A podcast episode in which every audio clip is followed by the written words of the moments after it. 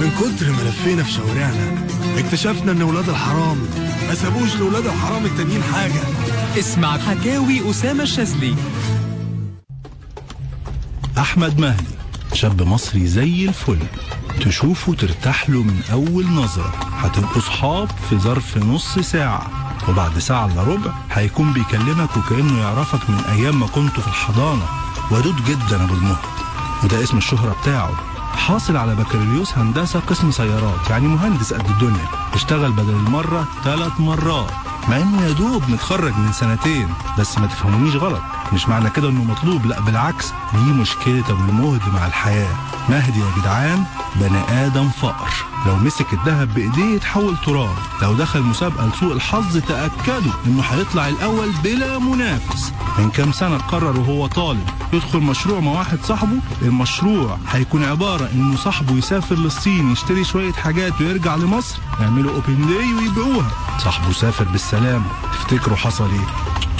دماغكم ما تروحش بعيد. لا لا. ترى ما وقعتش صاحبه جاله صرص في الصين ومات. وراحت فلوسك يا أبو المهد المهم إنه ما حرمش.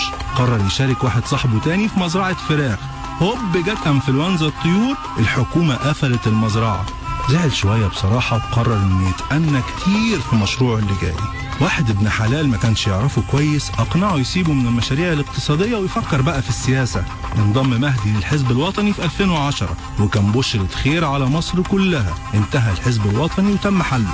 أيام ثورة يناير كنت سعيد جدا بإن أبو المهد قرر إنه ما يشاركش فيها ويفضل جوه البيت.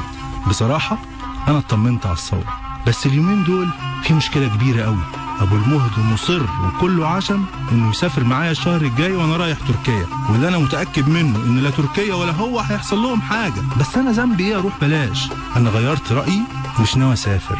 لو حد فيكم بيفكر ينتحر يا ريت يسافر مع أبو المهد. بدل يا حرام ما يسافر لوحده.